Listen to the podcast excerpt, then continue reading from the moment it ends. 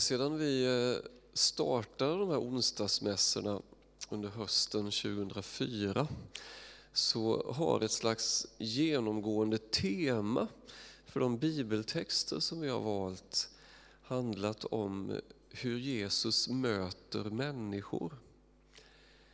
Eh, ganska mycket utan undantag, kanske några andra tillfällen någon gång så, men det har varit en slags röd tråd för de bibeltexter som vi har läst eh, på våra onsdagsmässor.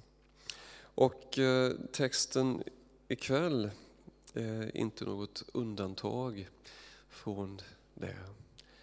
Därför att vi tycker att det här är så viktigt. Hur Jesus möter människor, hur han gör det och att han gör det.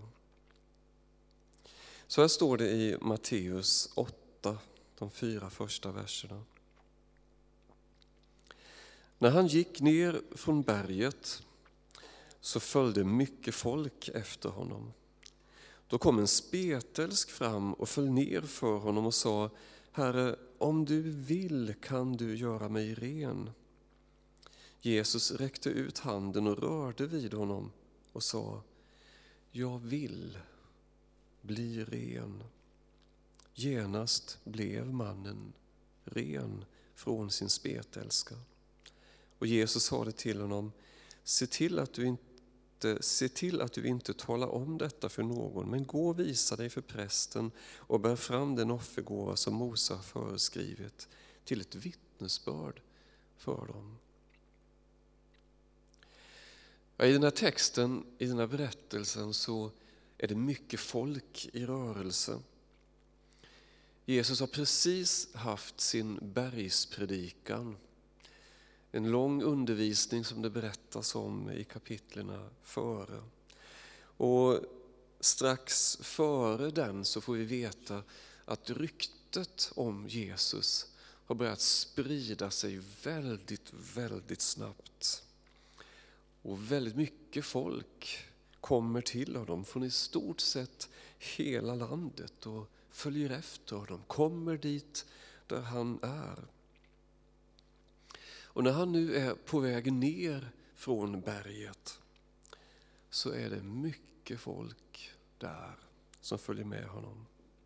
Och vi kan nästan se bilden framför oss kanske om vi blundar lite grann. Det är varmt, dammigt, trångt, stimmigt. Mitt i den här röran, den här rörelsen av många människor, så berättas det att det kommer fram en man som är spetälsk till Jesus. Ja, bara det att han kommer fram till honom är ganska anmärkningsvärt. I Lukas evangeliet i en parallell text så står det att han var full av spetälska. Man är inte helt säker på vad, eller vilken sjukdom Bibelns spetälska var. Men en sak är väldigt klar, att den här sjukdomens sociala konsekvenser, de var enorma. En spetälsk fick inte komma nära andra människor. Man var tvungen att annonsera sin närvaro eller sin närhet genom att ropa oren, oren. Så att andra människor skulle hinna flytta på sig eller hålla sig undan. Man levde i isolerade kolonier med andra olyckssyskon dit någon från omvärlden kom ibland och lämnade mat och sen snabbt avlägsnade sig. Det fanns också en, en religiös skam omkring den här sjukdomen. En del rabbiner såg den som ett direkt straff från Gud. Ett synligt intryck, ett synligt uttryck för att Gud lämnat, tagit avstånd från den här personen. En spetälsk var oren, fick inte på något sätt beröras. Därför att då överfördes orenheten till den som berörde personen. Och blev man inte på något sätt frisk så var livet i princip slut. Man var dömd till totalt utanförskap. Så på något sätt, den här mannen som var spetälsk, kanske han kände att han hade ju verkligen ingenting att förlora. Han ville fram till Jesus. För hos den här mannen hade det tänts ett hopp. Han hade säkert hört talas om Jesus. Och han tar mod till sig, går fram mot den här folkhopen som fanns runt Jesus, förmodligen genom den och faller ner framför Jesus. Herre, om du vill så kan du göra mig ren. Göra mig ren, bad han. Och här ser vi på något sätt vad det var som var viktigast för den här mannen. Att bli ren. Att bli fri från skammen, utanförskapet, orenheten. Det verkar inte som att han tvivlade på att Jesus kunde. Han hade säkert hört berättelserna om vad Jesus hade gjort. Det var därför han kom dit. Jesus gjorde ju Guds gärningar ju. Men den stora frågan för honom var, ville Jesus? Ville Jesus bry sig om en sån som han? En som var oren, som man inte fick komma i närheten av. En som var straffad av Gud, en som Gud tagit avstånd ifrån.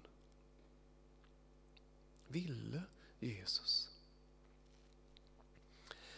Och då gör ju Jesus det som på något sätt förlöser helandet i den här mannen från djupet av hans innersta. Han gör det man absolut inte fick göra. Han sträcker ut handen och rör vid honom. Wow. Jag vill bli ren. Och genast blev mannen fri från sin spetälska. Här uppenbarar sig Gud, den sanne guden. Och det går på tvärs med många av de gudsbilder som människor hade då.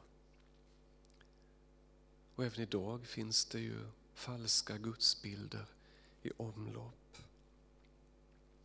Jesus tvekar inte ett ögonblick att riskera sitt rykte. En rabbin som rör vid en spetälsk. Aj, aj. Han visar att Gud är en Gud som inte tvekar att ge allt för att hjälpa en människa. Och det är samma Gud som vi möter på Golgata. En Gud som ger allt för att rädda människan, människorna, dig och mig. En Gud som inte vänder sig bort ifrån oss. En Gud som sträcker ut sina händer för att röra vid oss. Även om vi har svårt att tro att vi är värda det. För så kan vi tänka ibland. Ibland kan vi tvivla på det. Är jag tillräckligt bra för att Gud ska bry sig om mig? För att han ska hjälpa mig komma nära? Och den här texten ger ett tydligt svar. Han vill. Amen.